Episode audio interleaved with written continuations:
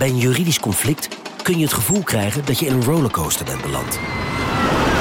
Je wereld staat op zijn kop en je bent de controle even helemaal kwijt. Dan is het fijn als je bent verzekerd bij ARAG. Daar werken topjuristen en advocaten die je begrijpen. Die een stap extra voor je zetten. En je het gevoel van controle teruggeven. Met kennis en informatie, met heldere uitleg en met gericht advies. ARAG, juridisch probleemoplossers. Wie reist met NS, reist net even anders. Wij reizen groen, zonder moeite te doen. Oh, zo kan je dus ook een dagje weg. En wij werken in stilte. In stilte? Nou ja, met oortjes dan. Oh. Zo gaan we iedere dag vooruit. Stap je ook in?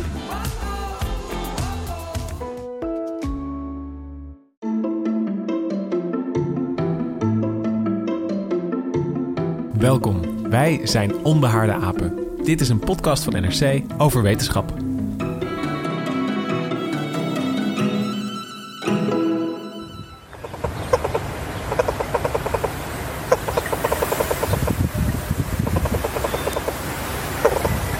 Welkom bij een nieuwe aflevering van NRC's Onbehaarde Apen. Mijn naam is Lucas Brouwers en ik zit hier naast Hendrik Spiering.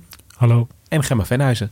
Hoi, wat een mooie natuurervaring was dat net. Het klonk heel gezellig. Wat, wat hoorden we precies? Dat ga ik zo zeggen. Dit is wel heel mysterieus. nou, een beetje, beetje ruisende wind. Zal ik en het een- zeggen? Nee, nee, ik denk... Ik, Ik wil het wel zeggen. ik- Maar, maar, ik- maar- ik- maar kun je het ook een beetje vaag omschrijven? we, gaan- we gaan wedden. Het is ik, een ik denk dier een van kakerende 20 kip. cent. Een dier van 20 centimeter groot. Nou, zie je, met mijn kip zit ik daar best goed. Wat denk jij, Lucas? Ja, ik denk dat we een exoot hoorden. Hij verovert Australië met een snelheid van 60 kilometer per jaar. Wauw. Dat klinkt dan wel onheilspellend voor zo'n liefklinkend uh, Reuzenpadje. Een reuzenpadje. Oké, daar gaan we het straks over hebben. Deze aflevering gaat over exoten. Over de soorten die van elders komen en die hier een eh, thuis vinden. En wat we daarmee moeten doen. Maar voordat we het daarover gaan hebben, gaan we het eerst hebben over wat ons is opgevallen deze week. Hendrik. Ja, mij is een eh, boek opgevallen. Eh, een, dat ben ik nu nog aan het lezen, dus ik heb het nog niet uit. Het heeft een hele bijzondere titel. Taken for Granted. The Remarkable Power of the Unremarkable. Het eh, betekent dus eh, eh, wat je voor, als vanzelfsprekend aanneemt. De opvallende kracht van het onopvallende. En de man die het heeft geschreven heeft een buitengewoon opvallende naam. Eviatar Zerubbabel. Dat moet je denk ik op zijn Engels uitspreken. Want hij zit in, het is een hoogleraar van 70 in de cognitieve sociologie in eh, de Verenigde Staten. Maar wat, wat voor onopvallends moeten we dan aan denken? Nou, het is eigenlijk heel simpel. Hij werkt het heel ver uit. Eh, waarom hebben we het wel over een werkende moeder, maar nooit over een werkende vader? Waarom hebben we het eh, wel over een moslimterrorist en nooit over een witte serial killer, over een witte massamoordenaar, wat ook heel veel voorkomt? Je hebt het nooit over non-blacks. Je hebt het nooit over non-Asians. Het is natuurlijk in Engels boek, hè, maar je kan het allemaal in het Nederlands vertalen natuurlijk. Het gaat dus over taal. Het gaat over taal, maar hoe de taal ons, eh, onze geest eigenlijk beïnvloedt. En hij zegt, ja, als er, eh, als er gelijkwaardige eh, twee groepen zijn, die, waarvan de een niet de basis is over de ander, dan zeg je de verschillen. Bijvoorbeeld, het, nou weet ik nou even geen voorbeeld van, maar het, wat, wat ik heel erg treffend vind, zegt hij, als er een verschil is tussen een heersende klasse en een, eh, een andere klasse, dat hoeft niet per se een onderklasse te zijn, maar mensen die duidelijk er niet erbij horen, dan is de norm is die van de heersende klasse. Wit, eh, christelijk, eh, noem maar op. Dat verschilt natuurlijk in de geschiedenis ook voortdurend. Maar dat wordt dan niet benoemd. Dus de werkende vader is niet interessant, wordt nooit genoemd, omdat dat vanzelfsprekend is. En wat ik er mooi aan vind, is Zo. dat je... Ja, Exotische hond. dat was eh, remarkable. Ehm, Laten we dat even benoemen. ik, ik wil eigenlijk eh, niks meer, want het is natuurlijk een hele politieke achtergrond zit erachter. Dat je dus het alleen, je kunt het boek alleen al lezen doordat je dan ineens merkt dat allerlei dingen niet worden uitgesproken. Leuk. Dus het, eh, heeft het je, je ogen geopend voor vreemde dingen in, Ja. in de taal, in ons dagelijks taalgebruik? Ja, maar ook bijvoorbeeld dat nu we in een interessante tijd leven wat dat betreft. Want het is de witte man die ineens heel erg de aandacht opvraagt. En die Dus wordt de- benoemd. Hij wordt benoemd. De boze witte man. Krijgt er wel boos bij. Om het te onderscheiden van de normale witte mannen. Die verder niet worden benoemd. En eh, zo gaat het verder. En Gemma, Heb jij Nou, misschien ook iets? Doe ik ook een boek hoor. Nou, Ja. vooruit. Ik was op Texel, daarover later meer. En heel toepasselijk had ik het boek De Zilvermeeuw van Kees Kamphuizen bij me. Er zijn allemaal superleuke vogelboeken. Eh, nou, De Grutto heb ik laatst ook al gelezen. Is een hele De serie. Spreeuw, ja, Ja. maar nu De Zilvermeeuw. En ik heb altijd een zwak voor De Zilvermeeuw gehad. Maar hij wordt een beetje verguisd nu natuurlijk. Hè, vuilnisbakken, rovers en eh, dat, dat, dat schreeuwende, klagende me- meeuwengeluid. Daar wordt iedereen eh, in de Randstad een beetje gek van. Want de, de meeuw rukt op landinwaarts. Is dat die grote met die gele snavel? Ja, precies. En die mooie zilveren vleugels. Ehm, maar eigenlijk Kees Kamphuizen die, die zorgt weer voor wat eerherstel van de zilvermeeuw. En die laat in zijn boek zien dat het helemaal niet zo'n overlast veroorzakende vuilnisbakkenrover hoeft te zijn als wij hem nu hebben gemaakt. Dus, Maar, maar eh, klopt het? Ik, ik heb een keertje gehoord dat, eh, dat het feit dat die meeuwen nu de stad intrekken, dat dat komt omdat de visserij zo is afgenomen de afgelopen jaar. Zit daar een kern van waarheid in? Nou ja, het is, het is lekker makkelijk snacken in de stad, natuurlijk. En het is. ehm de- de zilvermeeuwen zijn altijd heel opportunistisch. Ook ehm, met oesters bijvoorbeeld of mosselen. Het is ja, wat, wat, wat ze kunnen krijgen, dat, dat eten ze. En inderdaad, van ja, eh, minder vis, dat, dat eh, kan wel een oorzaak zijn dat ze meer naar de stad trekken. En ik eh, had laatst toevallig, toen eh, fietste ik langs een markt. En toen dacht ik, oh, ik heb wel zin in een visje. Zal ik even naar de viskraam? En toen zag ik aan de hoeveelheid meeuwen die boven één kraam zweefden, precies waar ik bij de viskraam moet zijn. Dus ja, het, het zijn exoten in de stad eigenlijk. Maar voor Nederland horen ze er helemaal bij. Het, zijn inheemse, het is een inheemse vogel, toch? Ja, maar voor sommige mensen, eh, die zijn ze toch liever kwijt dan rijk weer. Nou ja, de meeuw, wel onze vogel, ook al is hij misschien lastig. Want we gaan het vandaag hebben over lastpakken van elders, zou ik bijna zeggen. Eh, eh, over exoten.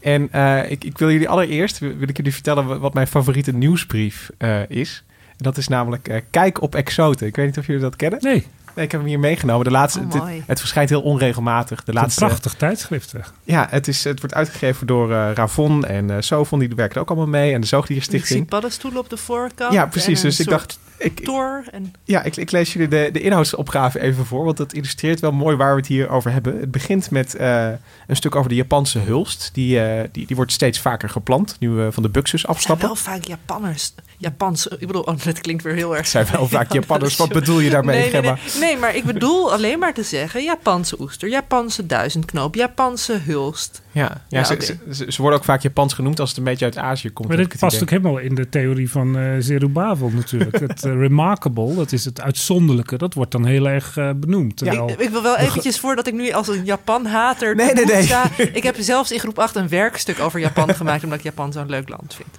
Oké, dus dat, dat is de eerste, eh, eh, dat is het eerste onderwerp in de nieuwsbrief. Dan gaat het daarna over de achteruitgang in eh snipperpaddenstoelen. Want met onze houtsnippers komen heel veel exoten mee. De houtsnippers importeren we dan van elders en er zitten dan zwammetjes in. We gebruiken houtsnippers van, van buiten Europa. Ja, zeker. En da- daar groeien dan soms wel eens paddenstoelen uit. Die dus hier niet thuis horen. Maar nu is het zo, omdat de houtsnippers minder populair eh, zijn, zijn er dus ook minder van die exoten. Daar gaat het volgende stuk over. Dan gaat het over de afnemende aantal stadsduiven. Stadsduif, ook een exoot. Komt oorspronkelijk niet uit Nederland. Rotstuif, hè? Is het, En rotstuif in Ja. eh, principe me- mediterrane gebied, eh, geloof ik, toch? ja, Dat en die eh, gebruiken dan de bijenkorf en dergelijke als een soort kliffen waar ze op broeden. ja. Dan gaat het over de zwaardschedes. Dat zijn van die... eh, wat- Scheermessen. Scheermessen, ja, precies. Schelpen. Die je aan het strand vindt. Ja, die aan het strand vindt en heel veel tegelijkertijd. Dus ook, er zijn ook, die komen ook van buiten. Die komen ook van buiten. Tenminste, die je nu eh, massaal op het strand vindt. Ik, ik was eh, laatst in Haarlem op het strand en daar zag ik ze inderdaad. Dat- Die komen uit Amerika. En dan gaat het tenslotte, Gemma, het zal je verheugen, over de Japanse kever. Mm, maar ik zat net te denken, wat, toen je over Amerikaans begon, over die, eh, over die scheermessen, dacht ik, oh ja, die zijn er ook veel. Want je hebt de Amerikaanse vogelkers, Amerikaanse rivierkreeft. Ja, precies. Dus Amerika en Japan eh, komen deze Nou, het, zijn, kant eh, uit. het ligt allebei extreem ver weg. Dus, Hof, hofleveranciers van, eh, van exoten. Ja. Ehm, ja, exoten. Dus, dus wat deze nieuwsbrief volgens mij mooi laat zien is hoe divers exoten zijn. Eh, of van, van wat soort... Nou ja, ze komen overal vandaan. Het, het gaat om planten, het gaat om dieren, het gaat om schelpen, het gaat om zwammen.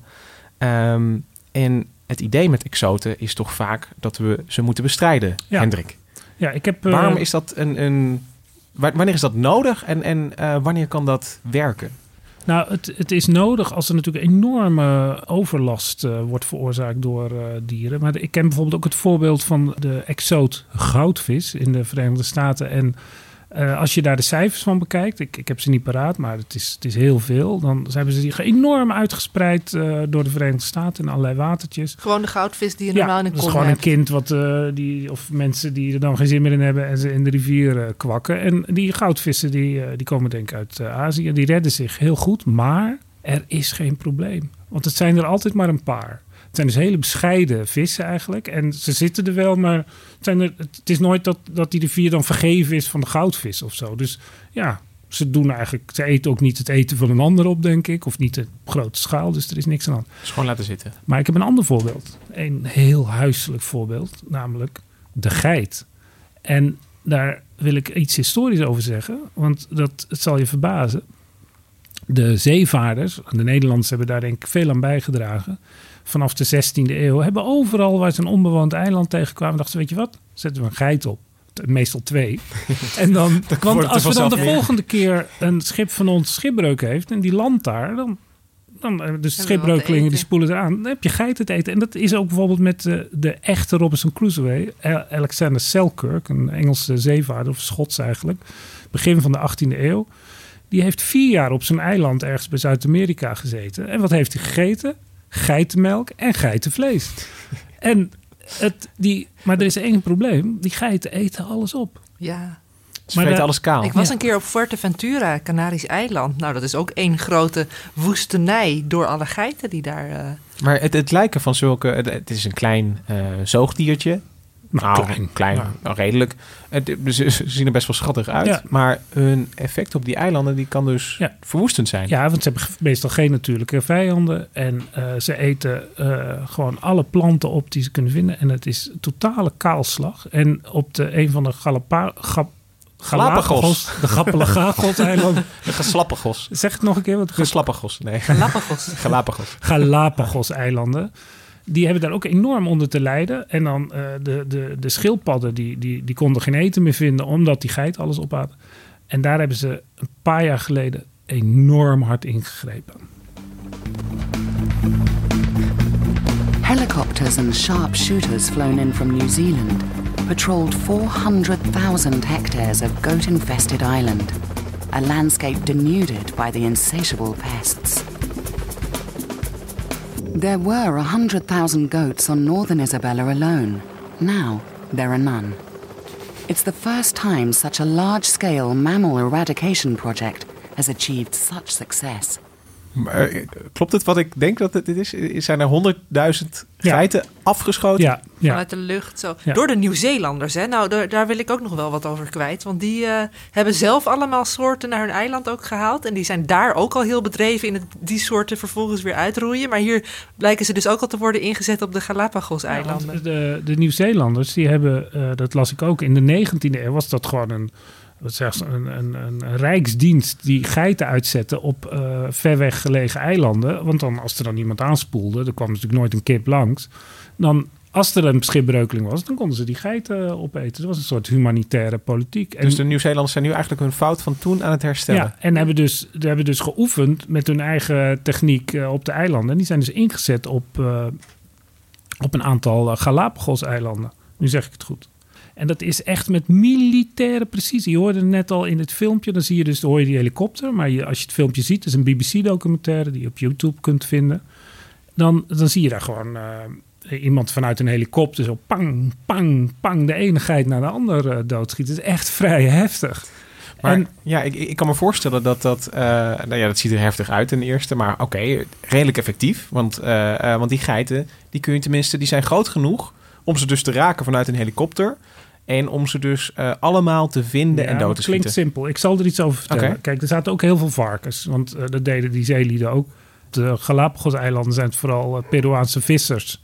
En Engelse piraten die daar varkens en geiten neergezet hebben... uit een soort humanitaire politiek. Voor als ze er zelf ook een keer zouden aanspoelen. Wat ze gedaan hebben, ze hebben de eerste varkens gedaan. Want de geiten houden het eiland leeg. En dan kan je de varkens goed zien. En dan doe je de geiten. Dat is al heel militair strategisch eh, eh, gedaan. En dan wordt er gewoon systematisch eh, gewerkt. Eerst worden ze gewoon met, met, met jachtgroepen, met honden, opgejaagd en neergeschoten. Zo hebben ze ongeveer 50.000 geiten neergeschoten over een reeks van jaren. Ze hebben ze opgesloten in fuiken, net als wat ze met eh, van, die, van die grote kuddes in Australië doen. Dan jagen ze en dan zes kilometer hek en dan komen ze allemaal op hetzelfde punt. En dan worden ze, eh, zoals in het eh, wetenschappelijke stuk stond, op uh, veeartsenijwijze geëuthanaseerd.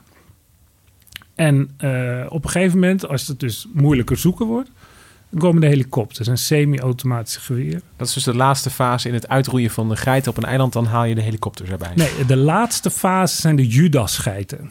Oh. Dat, Vertel meer. dat zijn geiten, die krijgen een zender en een GPS eh, om, om hun nek. En wat doet een geit? Die gaat andere geiten zoeken. Dus als je die geit volgt, dan vind je altijd de andere geiten. En vervolgens die Judas-geiten, hebben die nog iets? Krijgen die dan uiteindelijk nog voordat ze dood worden geschoten... nog een soort extra portie Ja, het is- eten? het- Tien zilverlingen. Maar je ziet dus waar, waar zeg maar, eh, dit soort operaties door in staat is. Want wat gebeurt er met een Judas-geit die altijd bij een andere Judas-geit blijft? Die wordt ook neergeschoten.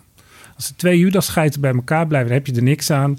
En dan heb je die band nodig voor een ander. Dan hebben ze een band en dan ja, twee geiten. Dan komt nooit een derde bij kennelijk. Het is vrij hard eh, vochtig.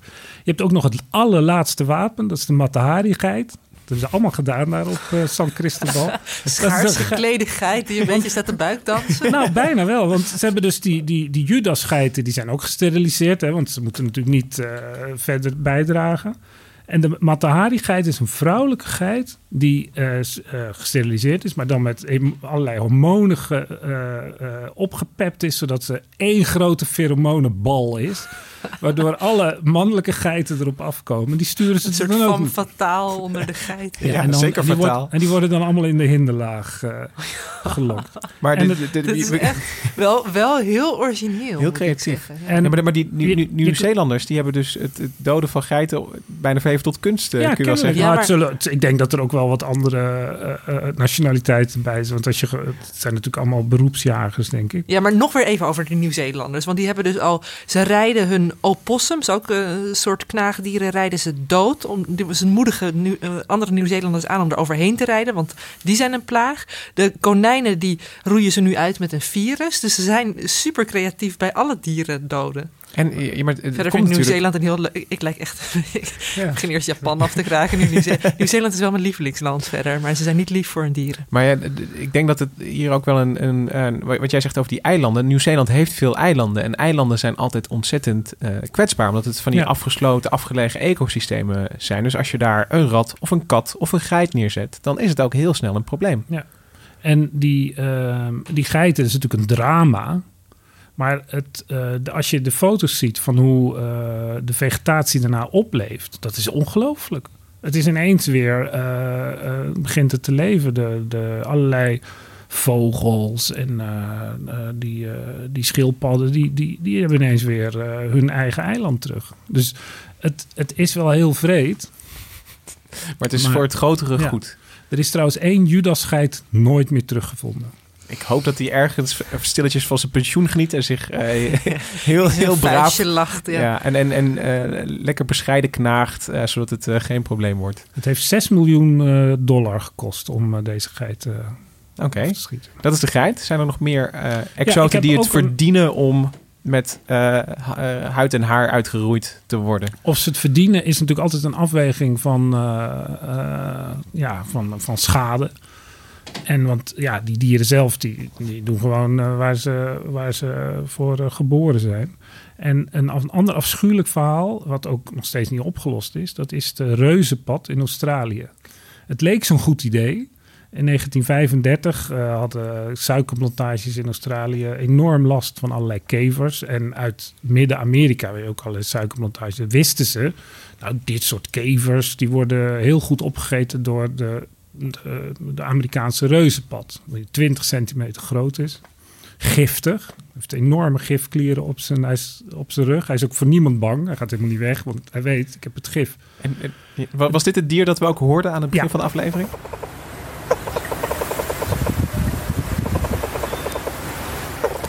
heeft nooit één kever opgegeten. Ze zijn in eh, 1935 eh, met 100 eh, eh, van die padden begonnen. Het zijn er nu 200 miljoen. 200 miljoen. 200 miljoen. Maar En- daar, ja, wel, dan gaan ze met allemaal Australiërs op pad om die dieren te vangen, toch? Ja, er is van alles geprobeerd. Er is zelfs, eh, dat, dan zie je ook wel weer de enige bepaalde ruwheid van de Australische cultuur. Er is ook toad cricket eh, bedacht, dat is later verboden. Dat je ze dus met cricketbats eh, als, als ballen gaat heen en weer slaan. Jeetje. Ja. Nou goed, dan vallen die Nieuw-Zeelanders nog mee. Maar er is dus ook, er is enorm, dat, dat heb je gelijk in, er zijn enorme campagnes geweest om ze te vangen, dood te slaan. En hoeveel hebben ze er daarmee gevangen? 100.000.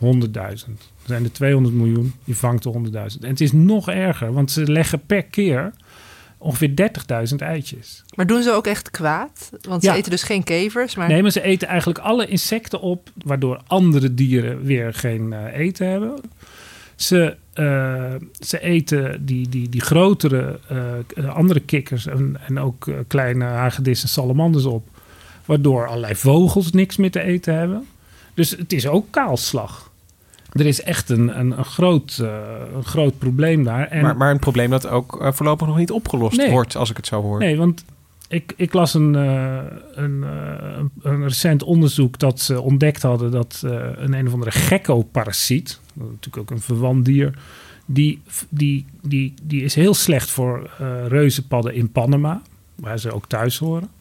Maar ja, ga je nou die gekko-parasiet weer loslaten in Australië om die, om die padden aan te Ja, vallen? want dan heb je zo'n domino-effect. En dan moet Ja, zometeen dat die gekko-parasiet weer worden uitgeroeid. Ja, want ze zijn als de dood dat er dan die andere kikkers, die ook al eh, smakelijk worden opgegeten door die eh, reuzenpad, dat die, ook, last van die parasiet krijgen, gaan ja. krijgen. Dus het- ze staan eigenlijk een beetje met een... eh, Een duivels met een- dilemma.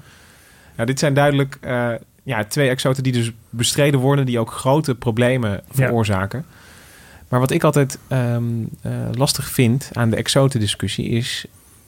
wanneer noem je iets een exoot en wanneer niet?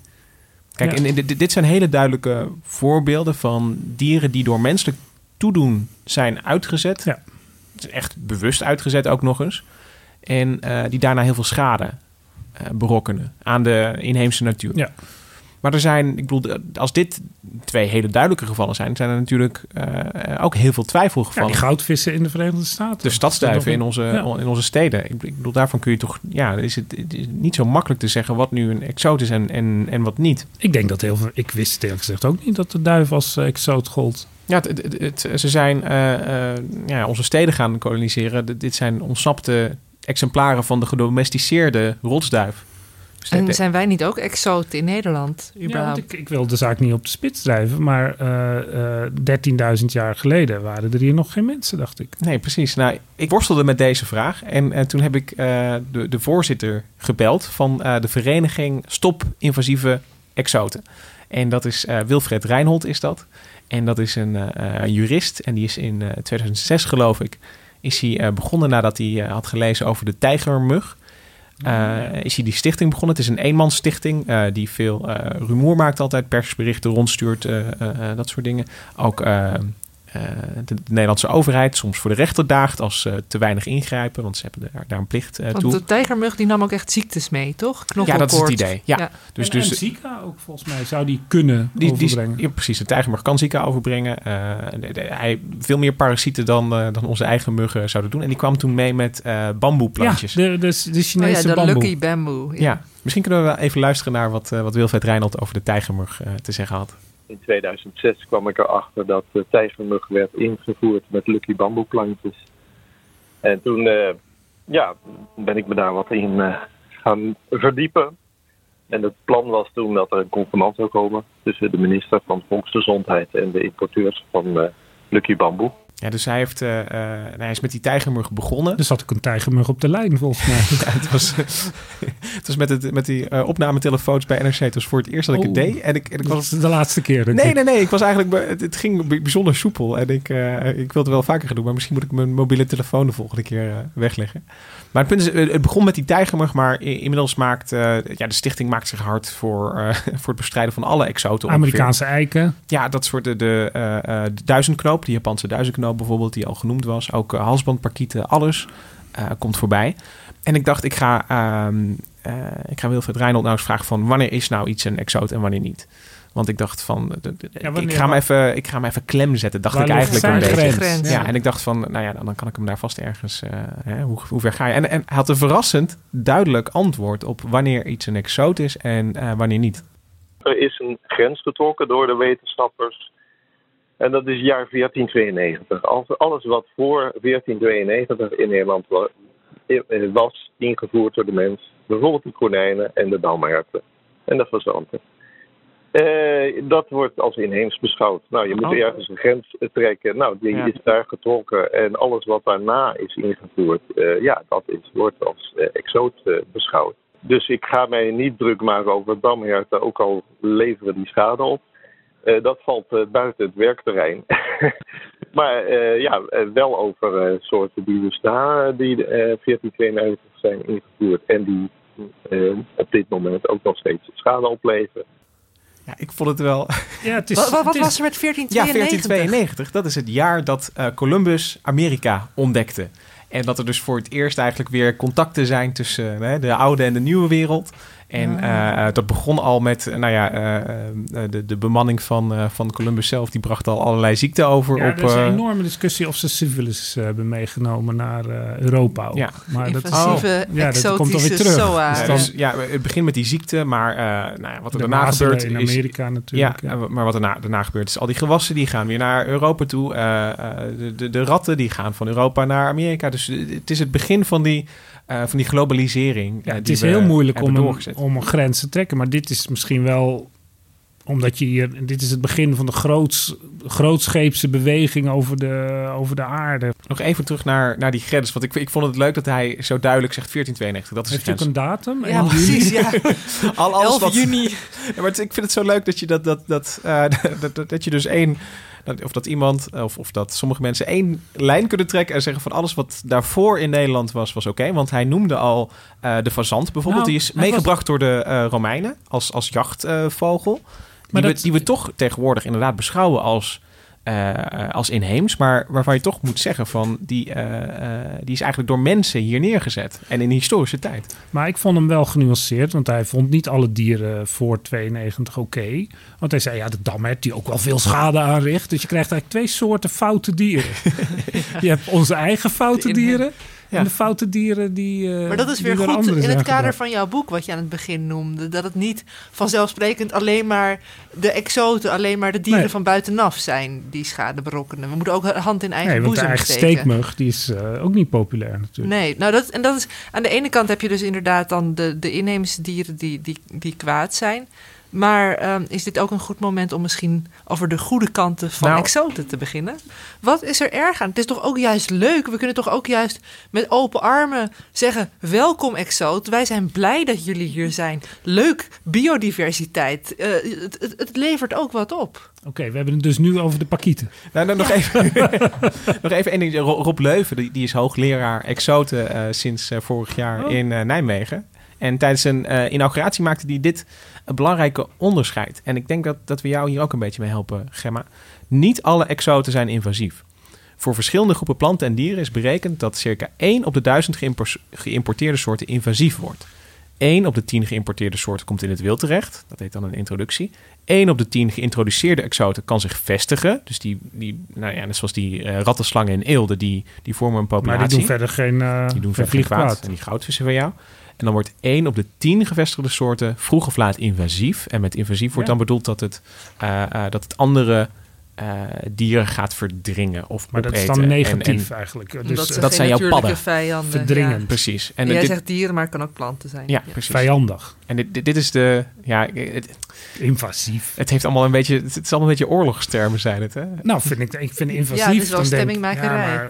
ja, maar ja, goed, het, het- is, dit wordt de regel van, eh, van 10 genoemd, omdat het steeds dus een factor 10 eh, eh, tussen zit. En dus maar 1 op de 1000 eh, soorten wordt uiteindelijk zo'n probleem zoals die reuze padden van jou.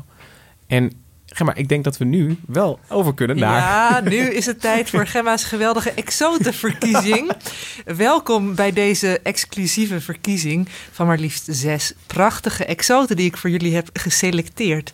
En ik zal ze allemaal even kort introduceren. Kom maar op. allereerst hebben wij de Japanse oester. In 1983 in de Waddenzee verschenen. Iets daarvoor al enkele decennia eerder in Zeeland. En allereerst waren we heel blij met hem. Want hey, de, de inheemse platte oester was nagenoeg uitgestorven. We hielden van oesters, dus waarom niet die lekkere Japanse oester naar ons land brengen? En bovendien dachten we, nou, ons water is veel te koud, dus hij gaat zich hier toch niet heel erg snel Hij is voortplanten. bewust eh, door eh, oestervissers Ja, precies, eh, ja. uitgezaaid. Maar goed, toen Met bleek open hij zich... binnengehaald. Ja, en vervolgens bleek hij zich wel heel goed thuis te voelen in onze wateren. Het leek zo'n goed idee. En zich uitgebreid te vestigen. Dus onder andere in de Waddenzee. En dat was rond 2000 toch wel een punt van zorg. Want zou die niet onze mosselen gaan verdringen? En daar, daarom was ik nou laatst op Texel. En daar had ik een gesprek met Andreas Waser... die op dit onderwerp is gepromoveerd. Ja, Jap- Japanse oester eh, heeft niet alleen nadelen voor die mossel. Omdat eh, ja, we weten nu dat die Japanse oester ook een habitat voor die mossel biedt. En die mossel kan zich tussen die eh, oesterschelpen vastzetten.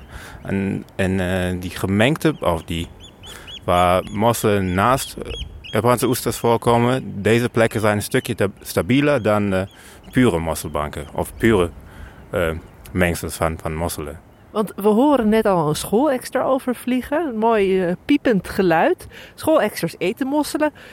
Eh, kun je dan zeggen dat, dat die Japanse oesters helpen om, om de mosselen te verbergen? Een klein beetje wel. Dus die, die hebben wel heel last om, om eh, mosselen in oesterbanken te, te, op te eten. En eh, ja, die oester zorgt ook ervoor dat eh, die mosselen minder voedsel kunnen krijgen. En daarom hebben ze minder vlees. En daar houdt die schoolexer niet echt van. Dus Dus ze zijn veilig in de buurt van oesters. Maar eh, Ja. ze, ze hebben ook weer nadelen ervan. Ze ondervinden ook weer nadelen ervan. Omdat die Japanse oesters ook weer een deel van het beschikbare voedsel eh, dat wegnemen. zeker wel, ja. Dat, dat is zo. En dat is eigenlijk het leuke wat hij zegt is... de Japanse oester kan ook juist een voordeel hebben voor die mosselen. Want omdat die schelpen zo alle kanten, die oesterschelpen alle kanten opstaan... kunnen die kleine mosseltjes zich tussen die grote oesters verstoppen. Het is zo'n wilde schelp eigenlijk dat hij allemaal eh, eh, eh, aanhechtingsplekken biedt voor die mossels. Ja, nou en ook schuilplekken eigenlijk tegen die schooleksters bijvoorbeeld... die we dan over hoorden vliegen. Die kan veel makkelijker dan bij die oesters... dan bij die goed verstopte mosselen. En zo wacht de mossel zijn kans af. Vervolgens gaat hij zelf zich weer voortplanten. Broedval heet dat, allemaal mini-mosseltjes... die dan zelf op zoek kunnen gaan naar geschikte plekken om zich te vestigen. Maar komt er dan geen mosselplaag? Dat zou ook nog kunnen, maar goed, die is inheems. Dus hey, daar, eh, En die daar we hebben lekker. nu- Maar goed, voordat jullie al allemaal massaal op de Japanse oester gaan stemmen... heb ik natuurlijk nog vijf prachtige kandidaten in maar de is er, niks, er is niks negatiefs over die oester te melden. Nou ja, je kunt dat dus bediscussiëren, want ehm, hij, de mossel die moet nu wel de ruimte delen met de Japanse Ja. oester. Overal waar de Japanse oester is, kan de mossel eh, zich niet in zijn eentje vestigen. En de Japanse oester vangt ook wel wat voedsel af. En, is en, is, is die droom van de vissers uitgekomen dat, eh, ik bedoel, eten we nu Japanse oesters ook? Kun je dat bestellen in, eh, Ja, als je, in, kun je- eh, in- op Texel bent? Ja, en de zilvermeel eet ze ook af en toe. Dus eh, ja, nee, je, je kunt Japanse oesters zeker eten. Ik heb Door het naar zelf nummer- nooit gedaan, vind ik te slijmerig. Zullen we door naar nummer vijf? De waterpest. Ja, die heeft zijn Oh, naam tegen goed, ja. natuurlijk. Hè? Ja, dat, is, dat, dat vind ik ook een beetje Nee, flauw. daar gaan we op stemmen. daarom- nee, maar de waterpest, goed, die voelt zich ontzettend thuis in onze sloten. En je kunt zeggen, nou, die neemt wel erg veel plek in. Maar wat is het? het is een waterplant. Mooi groen plantje eigenlijk, als je hem zo ziet. En eh, kenners, die zeggen de waterpest is veel onschuldiger dan bijvoorbeeld kroos. Want kroos, nou ja, dat weet je wel, eens, zo'n helemaal groene sloot. Eh, kroos laat geen licht door en ook eigenlijk geen zuurstof door. Wat voor al het leven in die sloot veel nadeliger is dan die waterpest. En het is ook levensgevaarlijk, want kinderen gaan erop staan. Ja, en en honden die Ja. vallen erin. Maar de waterpest, die kan ook juist weer een schuilplaats bieden aan allemaal kleine visjes Maar bijvoorbeeld. hij dekt het niet zo af als kroos. Nee, maar goed, hij, hij woekert wel. En eh, er zullen ook wel andere planten weer worden weggepest door de waterpest. Maar toch heeft hij, net als de Japanse oester, ook zijn positieve Maar het kant. sympathieke van de waterpest is dus dat we een, een, een eh, hoe zeg je dat, een inheemse plantensoort, kroos, hebben die nog erger is. Ja, dus ja, kiezen tussen twee kwaden, dan is de waterpest eigenlijk het onschuldige broertje. Ja, en ik ga nu heel eventjes naar buiten tussendoor om jullie het geluid van de derde kandidaat te laten horen. Mag ik mee? Ja, eh, ga maar mee.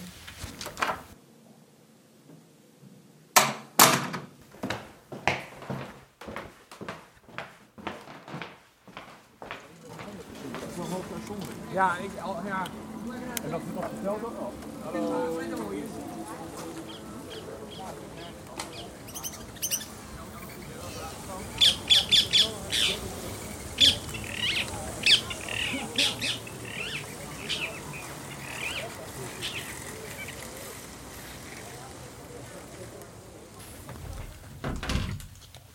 Dus is het gevaarlijk buiten? Nee, ze kwamen heel mooi overvliegen, Ja. Hendrik. Mag, mag jij raden wat het was, dit geluid? Het, het waren er drie. Ik, eh, ik heb ze hier wel eens zien zitten. De graspakiet heet ze geloof ik. Bijna. Ze zijn wel groen. De halsbandparkiet. Oh, ja, ja, ja. En eh, misschien is het voor de luisteraars dan even goed om te weten dat we dit opnemen in het Vondelpark. In Amsterdam. Ja, het is wel wat dat betreft een beetje Amsterdam georiënteerd. Want ik weet niet hoe ver in Nederland de halsbandparkiet eh, zich heeft Volgens mij tot eh, in, in Den Haag, Rotterdam heb je ze Oh ook. ja, dus echt En wel de- de Randstad exoot is dit. Ja, ehm, volgens mij zaten ze eerst echt in stadsparken, maar ik, ik zie, ik, ik, woon in Haarlem zelf en daar eh, zitten ze tegenwoordig ook af en toe zie ik ze in grote bomen zitten. Dus het, nou ja, het gaat goed. Ja, de- de halsbandparkiet wordt altijd genoemd als ja, die hoort hier niet. Ehm, maar tegelijkertijd vinden mensen vaak toch een hele vrolijke, bontgekleurde vogel. Hij, hij is een beetje papegaaiachtig. Je kunt zeggen, nou, mooie, mooie toevoeging aan het Vondelpark. Hij wordt een beetje ordinair gevonden volgens mij. Ja, goed, met geschreeuw. Ja, Het scheelt Maar wel dan- een beetje. ja dat Maar- is, maar- maar dit- niet een prachtige zangstem. Maar goed, eh, Maar, maar deze wilde vogels die stammen toch af van, van ook van vogels die hier zijn vrijgelaten vanuit volières of zo? ja, Of- precies. van- Ja, dus verwilderde huisdieren eigenlijk. ja, de halsbandparkiet staat op het menu van slechtvalken bijvoorbeeld in de stad. Als je daar, daar, daar kun je tegenwoordig eh, groene veertjes eh, vinden in de nesten van. ja, tussen al die grijze duivenveertjes heb je dan Ja. ook wat mooie groene. Ja, en dat is in die zin hebben ze ook weer hun, hun eigen rol. Ja, maar, maar toen, Zijn ik de de, duiven blij ermee dat ze niet alleen... toen, toen ik de voorzitter van eh, eh, Stop, Stop Invasieve Exoten sprak, die had ook wel wat te zeggen over Ja, dat hij Eh, na 1492... eh, Nee, nee, maar ook dat hij, eh, omdat het een holtebroeder is, dus hij eh, bouwt zijn nesten in eh, de holtes van bomen en zo. En, en dat zijn hele schaarse plekken. Ehm, dus ja, elk, elk nest dat een halsbandparkiet bouwt, daar kan, eh, kan geen andere vogel zijn nest bouwen, zeg maar. Oké, nou voordat we te veel... Anders dan, dan, dan maakt hij geen kans zometeen meer. Gaan we naar, naar, naar de Maar vierde is er ook iets kandidaat. gunstigs over te zeggen? Ja, dat hij dus mooi is en, en ook eh, eh, voedsel voor slechtvalken Ik, de- de- vormt. hier, hier moet ik even bij zeggen, er is nog nooit, als je naar de, de, eh, kijkt naar de exotenbiologie, eh, er zijn nooit soorten uitgestorven door concurrentie. Dus eh, wat ik hier beschreef was een voorbeeld van concurrentie tussen halsbandparkieten eh, en, eh, en inheemse vogels om die holtes. Daar sterven geen soorten eruit. Maar wanneer er wel soorten uitsterven, is als ze opgegeten worden door een invasief exoot. Dus wat wat jij, weet je, de, de nelbaars in het Victoriameer zijn ook Ja. een beroemd voorbeeld Ja. van Thijs Goldschmidt. Ja, maar die, die, die schijnen die cycliden zich toch weer een beetje... Toch wel weer een beetje, maar de- Die passen zich aan. Ja. Ja, maar, Maar de halsbandparkiet die eet dus niet de duiven op of zo. Dus in die Nee. zin eh, valt hij nog mee. Ja. Nou, en dan hebben we... Oh nee, ik mag geen, geen eigen lievelings hebben. Maar dan hebben we de reuzenbalsemien. Zo neutraal mogelijk, Gemma. Kennen jullie de reuzenbalsemien? Ik ken alleen maar die kleine Ja, balsemien. de, die kleine eh, springzaad of springbalsemien heet die Oh, ook wel. ja. Dat is dat je als kind kun je daar in die zaden knijpen en dan, dan springen ze er zo uit. Nou, superleuk. Ik heb eh, echt helemaal aan de verspreiding van deze exoot geholpen. ook. Want de reuzenbalsemien is dus een heel grote uitvoering daarvan. En toen ik klein was, had ik een hut die was gebouwd in een bosje van reuzenbalsemien. En dat had een hele zoetige walm. En dat had hele mooie, vond ik dan mooie roze bloemen. En er kwamen ook veel hommels op af. En die geur is heel kenmerkend. Maar je kon ook lekker dus inderdaad in die zaden knijpen. En hop, daar ging weer wat zaad van de reuzenbalsemien. Maar ehm, die balsemien die plant zich zo goed voort... dat hij ook heel veel oppervlak inneemt. Hij komt, oorspronkelijk komt hij ergens uit Azië, maar ik geloof dat ze in Engeland, eh, hoe noemden ze hem daar ook alweer? De, daar, doen ze aan balsam bashing. Dus dat ze echt met z'n allen gewoon die reuzenbalsem in een kopje kleiner willen maken. Want hij kan 2, 3 meter hoog worden. Ja, en ja, want de gewone zo- balsemien is eh, een paar 10 centimeter of 20. Ja, of precies. zo. Maar deze samen met de reuze berenklauw overigens, die, die, die overschaduwen ook alles. En die nemen dus de plek van andere planten in. Maar En ehm, waarom zit hij in deze verkiezing? Omdat hij zo lekker ruikt. ja, omdat ze lekker en omdat ik er nostalgische herinneringen bij heb. En omdat hommels er dus heel blij mee zijn. Ja, Dus, hè, Maar het maar- valt me wel op dat eh, die exoten een hoop agressie losmaken. Als ik nou hoor Ja. dat eh, in Engeland balsemien bashing hebben. Ja, nou en in, in Flevoland, daar was ik een. was ik een paar jaar geleden voor Vroege Vogels was ik op stap met iemand. En ehm, nou ja, die heeft toen ook een campagne gestart om de reuzenbalsemien daar uit te roeien. De meeste mensen kennen hem ook wel vanuit hun jeugd, omdat ze hem wel eens tegengekomen zijn. En dan toch dat, dat, dat, dat spannende aanraakmoment van eh, springt hij of springt hij niet. Ja. Nou, en dan springt hij meestal wel en dan schrik je toch. Eh, hij zaait zich ontzettend snel uit. Het is een eenjarige. Dat wil zeggen dat hij dus eh, uit het zaad kiemt, een plant gaat vormen, hetzelfde jaar gaat bloeien. En ook weer opnieuw zaad gaat vormen. En uit dat zaad komt dan het volgende jaar weer een nieuwe balsemien. Een nieuwe balsemien. Springt hij of springt hij niet? Ja, nou, springt hij of springt hij niet? Ja. Maar wat me opvalt is dat eh, eh, we hebben onze lieflijke eigen plantje van eh, de brandnetel. Daar hoor je dat, dat- iedereen is blij met de brandnetel. En daar hoor je nou nooit dat daar brandnetel-bashing eh, wordt Het is georganiseerd. veel te pijnlijk als je er echt eh, in gaat springen. Ja, en we, hij is van voor, voor 1492 zeker. Ja, maar... Ja, En, en we, we, we gebruiken hem voor in de soep. Dat Van netel thee. Ja. Maar goed, nog twee te gaan. De Nijlgans. Kennen jullie de Nijlgans? Ja, zeker. Ja. Maar wat een brutale vogel is dat. Ja, maar ik wil toch eventjes een lans breken voor de Nijlgans. Want wat leuk is aan de Nijlgans, dat vond mijn oma in ieder geval altijd, is dat ze zo goed zijn in het grootbrengen van hun jongen. Ze hebben een soort agressieve houding naar de buitenwereld toe. Ja. Maar ik interpreteer dit even als eh, vader- en moederliefde. En ze beschermen hun kuikens echt eh, tot het uiterste. En dat is waarschijnlijk ook waarom ze zo succesvol zijn. En het zijn best wel fraaie vogels om te zien. Maar goed, hè, dat is net als bij de reuzenbalsemien en de halsbandparkiet misschien een beetje een non-argument. Maar ehm, Nou, ze zijn wel kleurrijk. ja, en mensen herkennen ze toch. Eh, ik heb het idee dat de Nijlgans zeker mensen in steden dichter bij de natuur brengt. Omdat het een eh, vrij markante gans is, laat ik het zo zeggen. Een markante Nee? gans. Ja, nee. Goed. Nou, eh, tot slot dan eventjes een heel ander dier. De muskusrat. Oh ja, En ehm, die... eh, ja, die dijken, eh, die In, in dijken België hij ondergraaft. het eh, waterkonijn, Ja, toch? nou dat was een van mijn Oh, argumenten om, om het tot de leukste exoot te maken, waterkonijn. En hij schijnt ook heel lekker te zijn. Ze hebben hem daar ook veelvuldig op het menu staan. En nou ja, dat is toch ook een goede, net als die Japanse oester dan is, is, is dat geen manier om eh, van sommige exotenproblemen af te komen? Ik bedoel, moeten we niet gewoon in... ah ja, als je dan toch die stap wil zetten dat je niet zo blij bent met halsbandpakietjes... moeten er dan niet gewoon straatventers komen die gestoofde ja, nou daarom heb ik voor jullie nu een menu bereid. Met nijlgans op een bedje van waterpest. eh, gegarneerd met een halsbandparkietensausje. en toe eten we muskusrattenhaar. maar goed, ehm, wie, eh, wie verkiezen jullie? Japanse nou, ik, vind, ik vind de muskusrat, die, eh, als je onder de zeespiegel woont, dan eh, moet je de muskusrat niet eh, favoriet eh, verklaren. Wacht, Oké. maar, we moeten er eentje kiezen die Ja, we houden. Ja. En de rest roeien we uit. Eén- één- ja, Oké. oké, dus de muskusrat die heeft pech.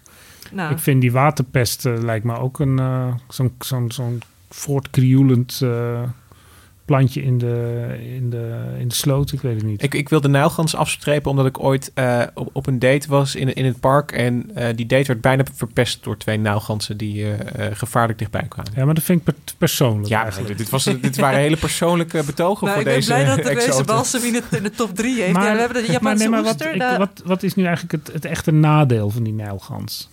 Dat hij eh, te veel gras eet of zo? Ja, nou dat hij de, de boel onderpoept, denk ik. Nee, maar ik denk ook dat hij ehm, de ruimte van andere vogels inneemt. Dat hij eh, eh, zo brutaal is. Maar ik durf het niet met zekerheid te zeggen. Ja, maar we hebben hem weggestreept. Ah, jij. Ja, ik.